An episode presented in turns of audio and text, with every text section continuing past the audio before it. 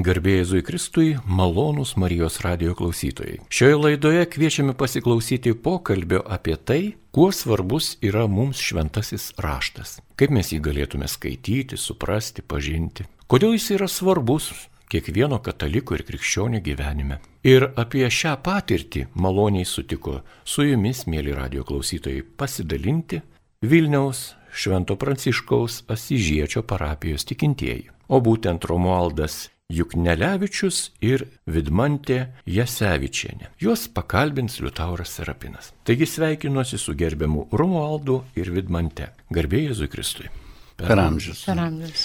Ačiū, kad atėjote į Marijos radiją ir galėsime tikrai ypatingai rimta tema pakalbėti. Šventas raštas, jeigu jo nebūtų, tai ir mūsų nebūtų. Skamba taip kažkaip iššaukiančiai, bet tai yra tiesa, nes šventas raštas mums yra be galo brangus. Šioje laidoje ir pradėkime. Kodėl jūs renkatės skaityti Dievo žodį į grupelę?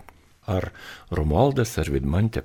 Na, turėčiau pasakyti, kad pradėjau šventą raštą skaityti tai ne grupeliai, nes taip jau buvo, kad vaikystėje, kada Simne per mišes klausydavau tą šventą raštą skaitant skaitinius, Ir aišku, žingeidu buvo pirmiausiai įdomu tiesiog dom, pasidomėti plačiau, daugiau. Na ir tiesiog buvo pas mus namie šventas raštas, jis buvo visada. Aš atsiverčiau, pradėjau skaityti, domėtis ir tas pasidarė įdomu. Aišku, tuo metu ten vaikui būnant tas susidomėjimas toks, toks vaikiškas dar buvo. Na ir paskui augant, paauglystė ir taip toliau, visą laiką jis kažkuo tai traukė, jis buvo kažkokia tai paslaptinga knyga, jinai tiesiog beskaitant ten visokių atsirasdavo klausimų, aišku, kažkiek tai pavykdavo pasiaiškinti, bet visą laiką likdavo daugiau dar klausimų negu atsakymų ir tas visą gyvenimą jis buvo toksai kaip, kaip, kaip vedlys tas šventas raštas, domėtis tuo. Na ir gal čia visų istorijų pasakoti ir neverta, tiesiog paskutinės jau gal čia tos istorijos, kurios vat, nutiko būtent Pranciškaus Asižiečio parapijoje, kada kunigas Arūnas pradėjo tą grupelę tokią, įkūrė tą grupelę ir subūrė tą grupelę, tai pradėjom dalintis toj grupeliai. Paskui tas truputį ta praktika prasiplėtė, buvo skaitimai ir kitur, ir Lukiškių kalėjime, ir, ir kitose vietose. Tai aš pajutau tai, kad e, grupiai dalintis visą laiką yra daug efektyviau, daug daugiau dar ir tų klausimų įsiaiškinama, aišku, jų ir dar daugiau iškeliama. Tai vat, būtent, kad grupelė jinai padeda, padeda tą gilinimosi tą procesą sklandžiau taip vykdyti. Na, o daugiau tai kiti dalykai Gal čia įgoj dar pavyks papasakot, tai gal vidmantė tu dabar. Romas tai daugiau atsimena, jisai vis tiek iš anksčiau, vat, ir kaip ten susikūrė tą grupelę, aš tai atėjau gerokai vėliau, aišku. Atėjau labai jauna į parapiją ir nežinau, ta knyga atrodė tokia knyga nuostabi, kur supranti, kad nieko geresnio nėra parašyta, tu gali ten skaityti knygas, kokias nori, bet vis tiek grįžti prie to, kad nieko geresnio nėra parašyta. Ir čia yra tas, tos gyvenimo šaknis toj knygoje. Ir atsimenu, kad parapijoje kažkas paminėjo, kad yra tokia grupelė, kad veda brolis Arūnas. Ir aš surizikavau, atėjau, ten visi gerokai vyresni už mane. Ir aš galvoju, kaip čia bus, aš neturėsiu ką pasakyti, nes vis tiek dalinamės ir, ir, ir džiaugsmais, ir skausmais, bet čia gal dar prasiplėsim apie bendrystę, tai nežinau, čia kaip ir su parapija atėjau ir likau. Ir nebuvo nei nejauku, nei, nei kaž, kažkokio skirtumo jautėsi, tai, tai todėl ir renkuosi, todėl ir ateinu į grupelį, nes jaučiuosi jos dalim ir, ir todėl, kad skaitom skaitom geriausią knygą, kokia yra parašyta. O kaip jūs ją skaitote? Kaip pasirenkate pagal dienos skaitinius iš eilės, ar renkate tekstus pagal tinkamas jums temas rūpinčias ir panašiai? Mes skaitom gana paprastai iš eilės. Kažkaip stengiamės nepraleisti ne vienos eilutės, kas kart vis prisimenam, visi pasitikrinam, ar tikrai pradėjom ten nuo 24 eilutės. Tai skaitom iš eilės. Pradžioj, aišku, turime maldą, turime maldą, su brolio Rūnu ir e, tuomet pasidaliname, esame kviečiami pasidalinti, ko tą savaitę išmokom arba ką pastebėjom arba kuo turime pasidalinti. Tai čia paprastai užtrunkame, nes e, kažkaip tikrai labai vertinam grupeliai tą pasidalinimą ir, ir turbūt čia yra dalis skaitimo, ką paskui turime galimybę susijęti su tekstu, kažko išmokti vienas iš kito. Tai tas pasidalinimas būna dalis. O paskui keliaujam prie teksto ir grįžtam, prisimenam, ką jau esam aptarę, ką brolius Arūnas gali pakomentuoti. Tokiu būdu skaitom, nežinau, gal dar Romas pridės e, apie. Na, aš norėčiau papildyti dar tik tai tiek, kad skirtingose tose grupelėse man teko būti ir skirtingose vietose, tai aišku, atitinkamai nuo to Tas irgi turi įtakos, nuo to irgi priklauso. Tai vad kaip Vidmantė papasakojo, kaip mūsų parapijos grupelėje vyksta tas skaitimas. Na, kita tokia vieta, kurioje teko skaityti šventą raštą, tai buvo Lukiškių kalėjimas, kuriame taip pat vat, kunigu Arūnu Peškaičiu skaitėm su kaliniais. Na, aišku, aplinka kita, žmonės kiti, na, pats procesas tas skaitimo vykdavo panašiai ir kalbant apie tai, ką mes ten skaitydavom, tai mes skaitydavom tiesiog ištisai tam tikrą vietą, tam tikrą knygą, tarkim Luko Evangeliją ar ten Morkaus Evangeliją ir skaitydavom pakankamai trumpom tokiom pastraipom, nesistengdavom kaip sporte prabėgti kuo daugiau ar kuo greičiau, stengdavomės į gilį daugiau eiti ir ieškoti atsakymų į tuos klausimus, kurie iškyla tą trumpą pastraipą paskaičius. Ir čia sakyčiau, čia Rūno nuopelnas, kad jis vat, sugeba įsigilinti tą trumpą sakinį ir sugeba užvesti mus, na ir įvairiai pasitaiko čia kaip Dievo vedimas būna, kartais būna tiesiog prapliumpa ir, ir kitų komentarai, ir visokios pastabos, tai O kartais būna tiesiog, kad na, būna tiesiog sunku pasidalintis, tai įvairiai čia pas, atsitinka. Tai čia vienas iš tokių būdų. Na, man teko ir kitose šalyse skaityti, vat, prieš penketą metų gyvenau Kinijoje ir ten vienoj bažnyčioj, kurioj, kurią lankiau, tai irgi buvo Biblijos skaitimo grupelė ir aš ją įsijungiau, ten buvo tokia tarptautinė grupelė iš įvairių pasaulio šalių, žmonės susirinkę, vedė tą grupelę toks Mikelė Ferrero, beje, Selezietis, kuris yra kartu baigęs e, Turino seminariją kartu su Seleziečiais, kurie Vilniui dirba, Alessandro Barelį ir Massimo Bianco. Tai va, tai ten skaitimas vyko kitaip, ten mes skaitydavom pakankamai didelį didelę dalį to švento rašto, perskaitydavom skyrių. Na ir ten aš pajutau, kad vat, skyrių skaitant vis dėlto tu pajunti tiesiog to teksto tokį pulsavimą, tokį pajunti šiek tiek platesnį tą kontekstą. Ir vėlgi tie klausimai, kokie iškyla. Ir ta aplinka, kaip minėjau, ten įvairių tų ir, ir, ir patirčių ir netgi sužinojau, kad ten netgi mūsų toj grupeliai buvo ne tik tai Romos katalikai, bet buvo ir iš vis protestantų, buvo iš vis ieškančių netikinčių net, kadangi tas kunigas, kuris vedė, jis dėstė lotynų kalbą universitete, na ir tiesiog jis per lotynų kalbos tas paskaitas jis pakviesdavo, jeigu jūs domina lotynų kalba, jeigu norit susižinot, sužinot truputį plačiau, tai ateikite į Biblijos skaitimą ir taip tie žmonės ateidavo. Tai va čia ir toks evangelizacinis momentas įdomus būdavo. Tai va tokie pasidalinimai būtų iš tų, kaip tose grupelėse vyko tas skaitimas. O kas jums labiausia padėdavo, skaitant šventai raštą, jį suprasti? Vis dėlto padėdavo tai, kad, manau, šventą raštą Nereikia tik tai bijoti jo skaityti. Tenka girdėti ir žmonių atsiliepimus tokius, kad, na, ten nieko suprast neįmanoma, ten prirašyta baisių dalykų, žmogus gal atsitiktinai vėlgi ne savo nuomonę sako, tiesiog iš kažkur tai išgirdo, kad ten neaišku kas. Aišku, gal pats atsivertė kažkokią tai dalį ir kurioj, kuri jį nugazdino.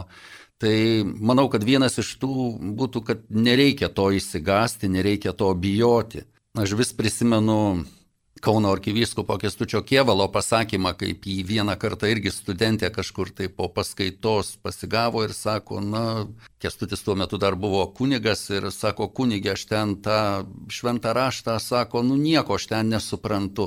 Ir Kestutis sako, aš neturėjau tų momentų taip skubiai jai ką atsakyti ir aš jai pasakiau, jūs tik nesustokit skaityti. Tai manau, čia kitas dalykas - nebijoti, o kitas dalykas - nesustoti skaityti.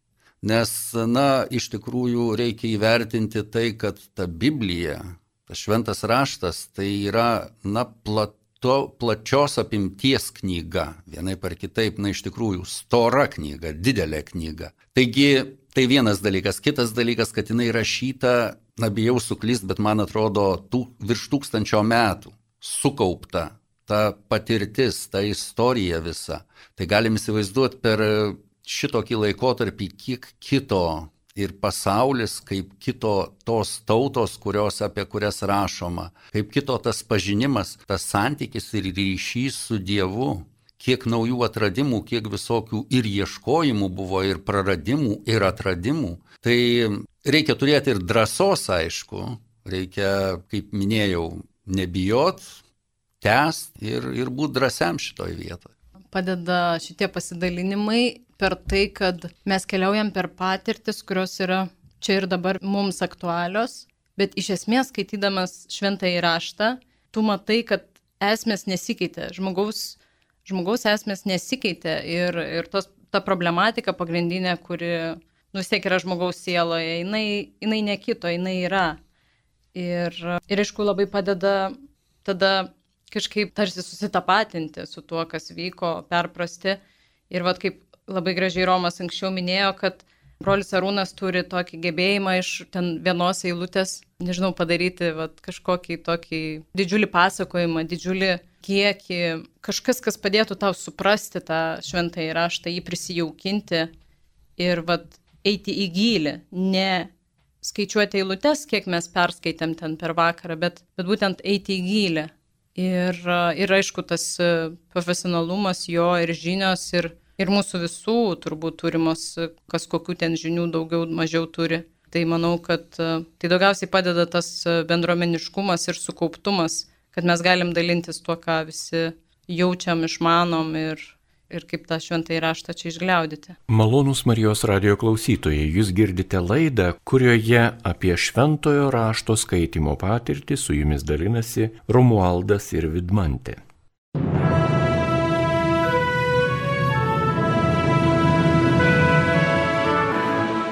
Jūs girdite Marijos radiją.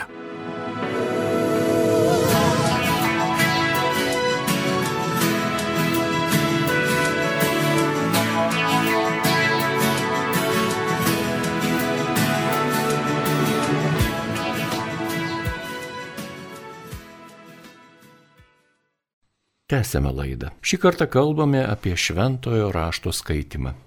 Prie mikrofonų Rumaldas Juknelevičius ir Vidmantė Jasevičienė. Juos kalbina Liutauras Serapinas. Jau pradžioje laidos atsakėte į klausimus, kodėl renkatės į grupelę, kodėl jums šventas raštas yra svarbus, reikalingas ir taip toliau. Pradėjome tikrai tokį gilų pokalbį apie krikščionių vieną iš brangiausių dalykų - tai Bibliją, šventąjį raštą. O kai neperprantate arba nesuprantate švento rašto teksto, Ką tada darote? Kur ieškote atsakymų?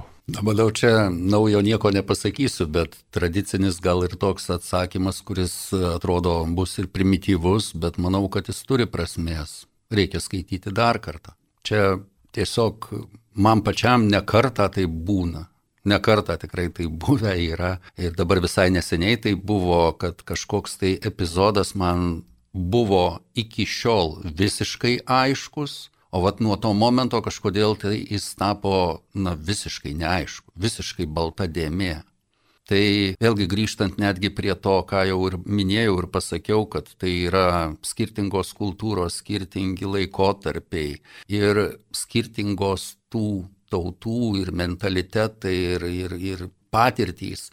Tai bandai gilintis ir tiesiog aš bent taip darau, stengiuosi ten gal, jeigu tai yra kažkoks tai istorinis momentas, kuris tampa man neaiškus kažkodėl tai, tai aš pasistengiu pasigilinti tiesiog, o kokia tai istorija buvo. O kas buvo tie malekitai, o kas ten buvo tie filistiniečiai, kur jie gyveno, kokie jie kalba kalbėjo, kas jų kaimynai buvo, kodėl ten vyko tas mūšis. Ir aišku, Biblija nėra istorinė knyga, ten tikrai nėra taip, kad čia yra tokių ir teorijų, ir, ir bandymų ten atsekt, kad na, ten galima atsekt, kada Dievas sukūrė žmogų, bet tai nėra istorinė knyga. Tai todėl ten tų istorinių kartais ir atsakymų nerasi. Tai vienas dalykas apie istoriją kalbant, kiti dalykai tie dvasiniai tokie dievoieškos aspektai. Tai irgi bandai pasiskaityti ar pamastyti, netgi pats ramiai kažkur tai beeidamas ar e, būdamas kažkokiuose tai vienuolynė ar, ar, ar šiaip rekolekcijose, kartais tiesiog tą epizodą bandai prisiminti ir bandai vėl naujai pažvelgti, kaip sakant, kitų kampų. Kartais galbūt netgi irgi tokia praktika, manau, kad įmanoma kiekvienam, o kodėlgi nepasiteirauti to klausimo, prieimus švenčiausią sakramentą po komunijos. Mes įpratę ten dažnai ir pats aš tą darau, kad ten prašom, prašom kažko tai ir to ir to, o kodėl mes negalim paprašyti po komunijos, Dieve, kalbėk man ir patylėt paprasčiausiai, pabandyt, gal tada tu ir suprasi tas, kas tau buvo neaišku. Panašių būdų, man tai atrodo, kad jeigu kažko čia nesupranti čia ir dabar, Tai man atrodo, kad labai svarbu duoti laiko ir duoti aplinkybėms ateiti, nes kartais tikrai atrodo labai neaišku ir kai ateina laikas ir vieta, ta vieta labai gerai tau išriškėja, o, o kitų būdų tai turbūt e, mes turime vietą grupelėje, kur tikrai galima aptarti šitos dalykus ir jeigu kažkas tikrai jaučiu, kad nu, man ilgą laiką kirba ir aš vat, nesuprantu ir, ir greičiausiai nu, man nepavyks pačiai kažkaip išgliaudyti šito, Tai aš jau tada turbūt e, stengiuosi kažkaip grupelį aptarti tą vietą ar kažkokį epizodą. Bet visgi vis tiek preferenciją duočiau tam, nu, va, duoti to laiko ir erdvės ir, nu, ne viskas gal, kas šventajame rašte turi būti čia ir dabar aišku, čia nėra kažkoks užsakymas. Gali būti, kad ateis labai, nu, va, netikėtų laikų tas supratimas. Tai kažkaip labai kantriai tai žiūriu ir ramiai ir, ir tikrai su tokiu, su tokiu pasimėgavimu pakontempliuoju laiks nuo laiko tai, kas man atrodo kažkaip klampu. Kartais mes girdime, jog žmonės sako, labai sunku yra skaityti Senojo testamento knygas. O kokia jūsų patirtis Senojo testamento knygų skaitime? Ne šiaip savo yra ir Biblija, paprastai sakant, ir padalinta į Senąjį ir Naująjį testamentą. Tai aišku, kad yra lengviau ir paprasčiau pradėti nuo Naujojo testamento, kadangi tai yra ir laikotarpis artimesnis, ir sakykime, ir tie įvykiai mums tokie artimesni, nors jau 2000 metų praėjo po to. Ir, bet tada aišku iš karto kyla klausimas, o kodėl turėjo ateiti mesijas į žemę, kodėl Dievas atsiuntė, kur tos šaknis, kodėl tas atsitiko, kodėl kitas įvykis atsitiko. Ir tada bandai gilintis toliau ir giliau. Ir čia gali padėti jau Senasis testamentas, kuriame tu supranti ir suvoki, kaip tas visas vedimas vyko, kaip visa ta eiga vyko. Ir tu bandai tada skaitydamas ne tik tas istorinės knygas, bet ir išminties knygas, pranašų knygas, kad ten juoses, tuose žodžiuose slypėjo, buvo paslėptas tas būtent Kristaus ateimas, tas momentas. Ir čia vad per Adventą tik visai neseniai buvo skaitomos skaitoma pranašų knygos ir kuriuose būtent skambėjo tai. Tai čia, kad sunku skaityti Senąjį testamentą, be abejo, teorinės astrofizikos knygą irgi turbūt skaityti sunku, pirmą kartą paėmus į rankas. Bet kažkodėl tai studentai nu, nemeta į šoną tos knygos, bet bando gilintis, suprast, skaito dar kitas knygas ir taip kažkaip tai tampa aiškiau. Tai čia dar sudėtingesnė knyga tikrai yra ir todėl nereikia to irgi norėti taip, kad iš karto tu suprastum ten viską. Įsivaizduoju, kad ta įdomiausia dalis ir yra ta, kuri sudėtingiausia, tai čia turbūt ir yra Senojo testamento visas liepinys, kad jį perprasti ir, ir jį kažkaip suinterpretuoti tinkamu būdu nėra lengvas uždavinys. Ir, ir čia yra turbūt geroji žinia. O iš esmės tai tikrai Senąjį testamentą gal mes turėtume žiūrėti daugiau kaip į kontekstą Naujojo testamento, į galimybę jam atsirasti.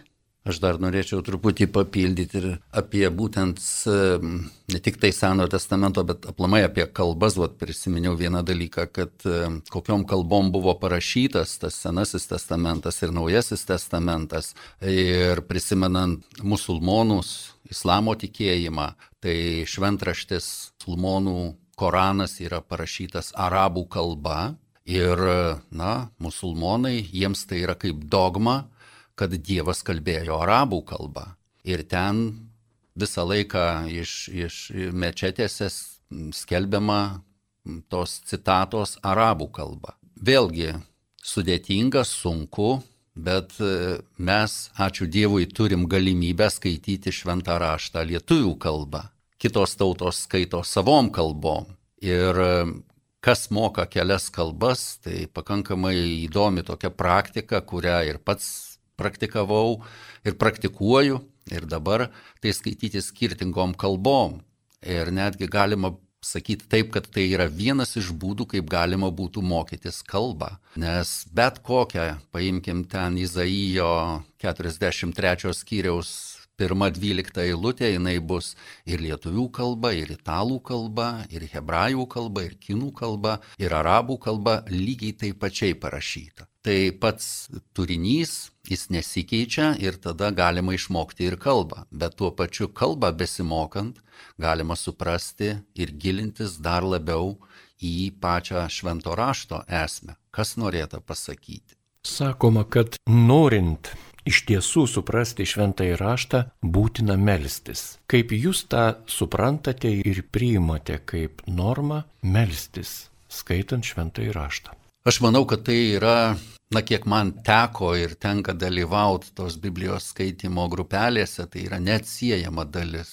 Nes kiek aš prisimenu, nei vienos tokios grupelės nebuvo, kad nebūtų pradedama malda ar Kinijoje, ar Lietuvoje, ar, ar kažkur tai kitur, manau, kad tas taip pat yra taikoma ir, ir, ir taip jau yra. Ir dabar ar ta malda yra privaloma ar ne. Manau, kad paprašyti Dievo, kad tu galėtum pažint, suprast, kad šventoji dvasia apšviestų, kad žodž, tie žodžiai kalbėtų tau, kad jie būtų tau priimtini. Jie aišku, gali būti ir sudėtingi, ir sunkus, bet kad, na, kad tu suprastum bent jau. Tai kreipimasis į Dievą, kreipimasis savais žodžiais, tai irgi yra malda. Ir be abejo, kad pradedant svarbu yra pasimelsti. Kiek ta malda svarbi negaliu pasakyti, kad ten, sakykime, galima sakyti taip, kad jos nereikia. Aš neįsivaizduoju tiesiog, kaip galima, na, tiesiog švento rašto skaitimas, aš jau manau, kad yra malda. Nes netgi, sakykime, kai kurios švento rašto dalys yra, na, ištisai, pavyzdžiui, benediktinai, kurie meldžiasi septynis kartus per dieną, jie meldžiasi kuo? Psalmėmis, o psalmės yra švento rašto dalis. Taigi tiesiog tai yra jau malda. Pavyzdžiui, yra ir kitų knygų, kurios, kurias galima paskaityti, pavyzdžiui, ir, ir kaip malda, sakykime, visai neseniai va išleista yra puikiai knyga Grigoro Narekacija Silvartingų gėdojimų.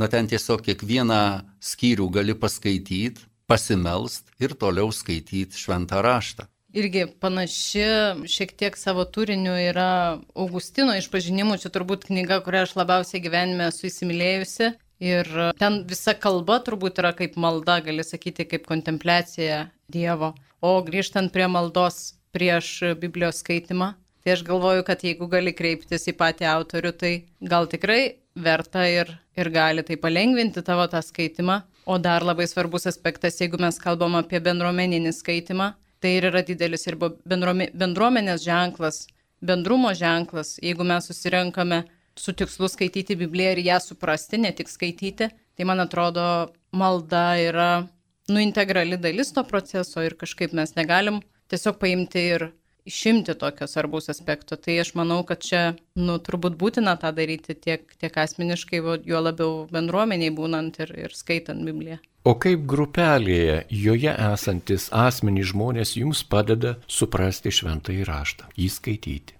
Svarbu, kad ta grupelė tik tai būtų ir kuo daugiau žmonių būtų. Nes aišku, kai yra nedidelė ta grupelė, tai yra tiesiog žmonės kuklus, ypač mes, čia europiečiai, lietuviai, mes nemokam taip tų emocijų išreikšti labai taip emocionaliai, tai žmonės nenori pasirodyti aišku, atėję ten gal pirmą kartą ar antrą kartą, ten jie nenori pasirodyti kvaili, kažkokiais tai keistais klausimais. Tai kuo daugiau tų žmonių, tuo lengviau ir tas bendravimas vyksta. Tų klausimų, kaip galima ir įsivaizduoti, kiekvienam tikrai būna, čia nieko nuostabaus, tikrai. Ir kaip minėjau, kuo daugiau jų, tuo kartais ir pats atrandi kažkokį tai atsakymą, ar pats gali, ar kiti gali net pakomentuoti ir papildyti. Tai tų žmonių dalyvavimas, kaip sakiau, kuo jis gausesnis, tuo geriau yra. Tik aišku, kad labai daug jų Na ir pavyzdžiui pas mus, netgi toj Bernardinų grupeliai, tai ta grupelė jinai tokia pulsuojanti yra, atrodo kartais jau sumažėja, sumažėja, ten lieka tik 10 žmonių ir paskui staiga tik tai žiūrėk jau apie 30, ten jau padaugėja, jau beveik sėst nėra kur. Tai aišku, tas labai džiugina. Ir aišku, džiugina tai, kad yra, na, net sakyčiau, tokia rotacija. Vieni išeina, kiti ateina. Tai tie nauji, kurie ateina, jiems, sakykime, būna vėl tie klausimai, gal netgi kai kurie, kurie kartojasi jau. Tai tas pakartojimas, jis irgi papildo tai, ką tu, pavyzdžiui, prieš tai, prieš kokius 2-3 metus tau atrodė vienaip, čia tas klausimas iškeltas ir tau jau dabar visiškai kitaip atrodo ir netgi to žmogaus, ten, sakykime, ta patirtis, kuriais tuo klausimu nori pasidalinti, jinai kitokia jau būna. Ir tai vėlgi praturtina ir papildo tai labai tas e, mūsų skirtingumas, vad kaip ir sakiau, aš atėjau, atrodo, prieš kiek, prieš keturis, gal aš prieš penkis metus nebežinau pirmą kartą. Ir, ir pasijauti toks tarsi mažas, čia visi kažkaip viską išmano, o laikė paaiškėjo, kad niekas ten nieko neišmano ir kad mes visi iš esmės, ar ten tau 70, ar tau 25, tu iš esmės greičiausiai apie kurios dalykus žinai vienas daugiau, kitas mažiau, gal ir tiek pat. Tai man atrodo, tas skirtingumas labai padeda ir suprasti, kad ne tu vienas išgyveni kažkokius klausimus esminius gyvenime arba kad susiduri su tokiais iššūkiais, atrodo, žmogus kažkoks dalinasi ir tu galvoji, wow, jisai ten, jam per 60, jisai turi sėkmingą verslą, jisai ten, nežinau, kažką pasiekęs atrodo gyvenime pasaulėtinė prasme, bet tu supranti, kad jūs esat labai panašioje vietoje ir kad jūs ten einat per labai įvairius išgyvenimus, labai panašius. Ir tas man yra labai gražu ir skaitant tą šventą įraštą irgi labai gražiai atsikskleidžia ir tas mūsų bendruomeniškumas, ir mūsų skirtingumas. Ir vat Labai svarbu turėti tą brandolį, kur tu gali ateiti ir iš tikrųjų pasidalinti tais klausimais. Nes man atrodo, tik taip ir gali aukti ir tam suvokime šventojo rašto ir, ir apskritai turbūt suvokime ir tikėjime. Ir čia kaip reikalinga parapijos bendruomenė, tai čia dar toks mažesnis kažkoks ratelis, su kuriuo tu gali, nu, vat, taip kažkaip artimiau, tarsi tyliai prisėsti, pasikalbėti tą kartą per savaitę ir tas man atrodo, kad labai padeda mums visiems suvokti ir šventą įraštą, ir, ir tą tikėjimo tokią kelionę pačią kažkaip keliauti kartu. Tai dar norėčiau papildyti tai, kad na, šventas raštas kažkaip tai, vat minėjau apie tai, kad grupelė buvo Lukiškių kalėjime, tai prisimenant tą skaitimą kalėjime, Prisimenu irgi kažkur tai girdėjau ar, ar skaičiau, kad buvo paminėtas to, tokia citata, kad jeigu tiem žmonėm, kurie yra kalėjime, būtų neuždrausta skaityti šventą raštą mokykloj, tai jiems nereikėtų to švento rašto skaityti kalėjime. Tai čia irgi na, mūsų realijos tokios yra, kad kažkodėl tai švento rašto, na, skaitimas ar, sakykime, tikėjimo, tas gilinimasis ar, ar tikėjimo mokymas mokykloje yra kažkaip tai, na, stengiamas jį išstumti už tų ribų. Bet kažkodėl tai kalėjime, na, tai yra viena iš populiariausių knygų. Tai manau, kad čia irgi yra tam tikras, na, kaip sakant, vieta pamastymui. O kitas dar dalykas, norėjau pasakyti, kad yra iš tikrųjų, čia vat, mes kalbam daugiau apie mūsų parapijos grupelę, bet tų kitų parapijų grupelių irgi yra tikrai labai daug. Ir vat, žinau, kad ir Gediminas Jankūnas vadveda, kunigas Krekenavos, ten reiškia per visokias priemonės. Facebookas vadbėja labai padeda praplėsti tą mūsų skaitimo ratą ir čia vat, ir Zoomas naujausios technologijos čia padeda. Ir vat, kai buvo karantinas, mes mesgi skaitė, mane prisiminė. Jo, kadangi yra galimybė, na ir ta mano patirtis ten Kinijoje, aš netgi ir dabar kartais pasijungiu į tą grupelę ir ten kartu su ta grupelė anglų kalba mes skaitom tą Bibliją. Tai čia aišku, kur skaityti tai galima surasti, jeigu tik tai yra noras, jeigu tik tai yra ryštas ir to ryšto tik tai reikia turėti, mels Dievo, kad jo būtų ir pradėti. Kokių dar atradimų jums pavyko išvysti jūsų grupelėje skaitant šventai raštą? Aš įsivaizduoju, kad kiekvienas tas Biblijos skaitimas, mūsų susitikimas yra pilnas atradimų kiekvieną kartą ir aš visada juokaudama sakau, kadangi labai kažkaip man pavyko įtraukti ir savo brolį į šitą skaitimą, kuo aš labai džiaugiuosi. Tai visada jam jokiuosi, sakau, žinai, aš išeinu ir man toks jausmas, kad aš turiu apmąstymų ilgiau nei savaitį. Bet aišku, grįžtam po savaitės, vėl mes turim ko pasidalinti, ką apmastyti ir tada tu vėl išeini su mintim, su kažkokiais gal užrašais, su kažkokiam gal aktualijom, kurias tu ten mastėjai ir, ir, ir ten perkošiniai per tą filtrą, kurį jūs ten šventojo rašto įlūtė kažkokią, kurią jūs diskutavot. Tai man atrodo, kad čia yra pilna, kiekvienam žingsnį tie atradimai O didžiausi atradimai, tai man atrodo, yra vat, būtent grįžtant prie to žmonės ir jų pasidalinimai, nes tu matai, kaip gyvai veikia tas šventasis raštas ir kaip veikia gyvenime visą tai. Tęsime laidą. Kaip pasikeitė jūsų tikėjimas, kai jūs pradėjote nuolatos skaityti šventąjį raštą? Na čia sunkus klausimas, kadangi nėra tokio matavimo prietaiso, kuriuo galima būtų pamatuoti ir pasakyti, kad mano ten tikėjimas pakito nuo 40 iki 60 ar ten jis nukrito nuo 40 iki 20. Tai aišku, čia taip grubiai pasakyta, bet kita vertus, na, jeigu bandai ten gilintis ir bandai lyginti, kaip tas buvo prieš ten jungiantis į tą grupelę ir kaip įsijungus į tą grupelę, tai tikrai drąsiai galiu pasakyti, kad tai iš tikrųjų praplėtė ir akiratį, ir tą patį pažinimą, ir tą patį netgi savo supratimą, kaip reikia skaityti tą šventą raštą. Nes aišku, tas supratimas buvo toksai pakankamai primityvus, sakyčiau, bet tos grupelės, na, tiesiog tai tik tai tiek, kiek pats skaitai. Ir aišku, kiek pats skaitai, tiek ir pats supranti.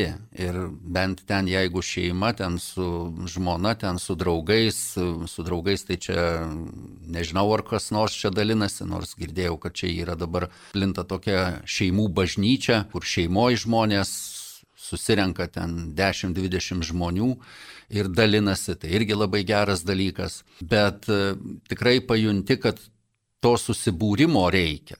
Ir čia, vat, na, tiesiog vėlgi prisimenu savo mokytojo, galėčiau tai pavadinti, Simne kardinolo Sigito Tamkevičiaus pasakymą, kad jūs turit burtis į grupelės, nebūkit vieni, todėl kad vieniems yra labai sunku išbūti, ištverti, kur bebūni, ar ten studentų, ar kariuomenėje, ar kalėjime, ar kažkur tai ta grupelė, ta bendrystė jinai gelbsti. Tai jeigu net tokiom kritinėm situacijom jinai gelbsti, tai juo labiau jinai kada laisvai, kada tu turi galimybę su bendraminčiais pasidalinti tuo ir tas tikrai plečia ir tą akiratį, ir tas tavo žinias. Mano gyvenime šitas atsiradimas Biblijos grupelės ir buvimas joje yra toks tiesiogiai susijęs su mano tikėjimo kelionė ir toks, sakyčiau, palaikomasis yra nuolatinis toks, nu, vad palaikomasis grinai toks aspektas, kadangi net nu, vis tiek tu gyveni gyvenimą, tu įvažiuoji į tą visą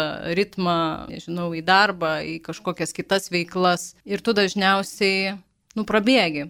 Bet jeigu tu gebi skirti, nu ne tik atmiegoti tas sekmadienio mišes, jeigu ten, sakykime, kažkas visai būna su to mišiom, man atrodo, mums visiems, tai būna ten kartais e, aktyviai sėdi ir tikrai supranti, apie ką kalba, kartais, nu tiesiog atmiegi, nes reikia tas sekmadienio mišes, labai žmogiška. Bet jaučiu, kad kiekvieną kartą, kai einu į grupelę, esu pasirašiusi knygoje, kad tai yra mano laikas savo, ir mano tas palaikomasis, kad netitrūkčiau, kad, kad kažkaip nepabėgčiau nuo to tikėjimo, ne, nebūčiau per toli, neatsidurčiau. Tai manau, kad nu, man tai labai didelis tas yra indėlis ir nors atrodo tai valanda per savaitę lygiai, visą laiką Rūnas taip labai jau tiksliai šeštą pradeda ir lygiai septintą baigia, ne minutę ilgiau ir ne minutę trumpiau.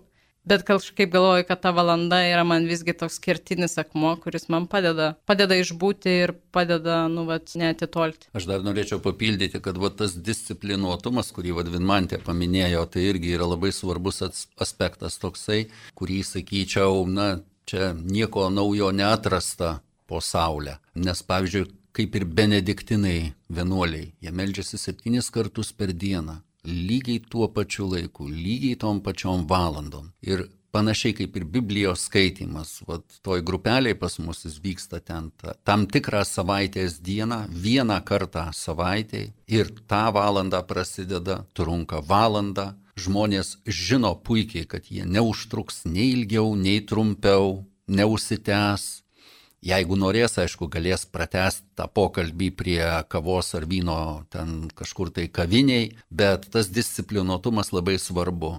Ir čia tas ir, ir, ir, ir, ir kiekvienoje vietoje vat, mes galim save pastebėti, kad jeigu mes norim kažką tai pasiekti, mes turim pastoviai tuo pačiu laiku, tą pačią dieną daryti. Ir laidos pabaigai, gerbėmieji Romualdai ir Vidmante, ką jūs patartumėte tiems žmonėms, tikintiems ir netikintiems, kurie neskaito švento rašto, kaip jie galėtų pradėti pastoviai skaityti šventą įraštą?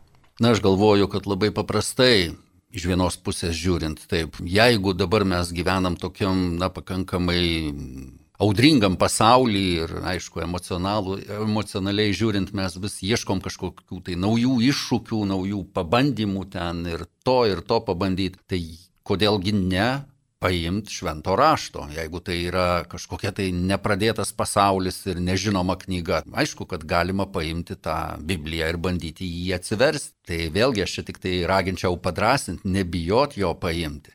Aišku, jeigu jo nėra, tai bandyti jį bent įsigyti, na, aš girdėjau, čia yra tokia mada lyg tai, ne, negaliu pasakyti, kad tai yra mada, bet e, kartais e, dovana galėtų būti šventas raštas. Ir tai nebūtinai, kad netikintiem negali būti tai. Tai gali būti, kodėlgi ne. Galbūt tie žmonės pradės skaityti. Na aišku, girdėjau irgi tokių atsiliepimų, kad kartai žmonės laiko, kad jeigu jo bibliotekoje nėra ten švento rašto, tai jo ta biblioteka nieko verta. Bet aš manau, kad netgi to švento rašto buvimas toj bibliotekoje, nors jinai niekada ir net versta nebuvo, irgi daug ką sako. Tai čia vėlgi paraginčiau, jeigu jinai niekad nebuvo atversta, paimti ją ir atsiversti. Čia gal papildant Romą, ties naujais metais žmonės būna ten, pradeda tokią akciją daryti savo gyvenime visi pirmi kartai ten. Arba pradeda sportuoti, arba nežinau. Tai kodėl nepabandyti tą pirmąjį kartą ir atsiversti Bibliją, arba netgi pasiskirti savaitę, pavyzdžiui, laiko kažkiek ten po 10, po 15 minučių, po valandą, kiek tu ten gali sauliaisti. Pasižiūrėti, pasivartyti, gal paskaityti kažkokį komentarą, kuris tau įdomus. Niekada negali žinoti, ką rasi. Ir aišku, visada smagu kurtis, burtis į bendruomenę ir rasti kažkokį tašką, kur tau gerai, kur tu supranti, kur tau padeda suprasti ir, ir būti tam bendruomeniškome. Bet jeigu taip jau visai labai nesinori, tai tikrai gal užtenka kartais pradžiai nusipirkti, o paskui keliauti. Tiesiog turėti, nežinau, žiūrėti tai kaip į nuotykį.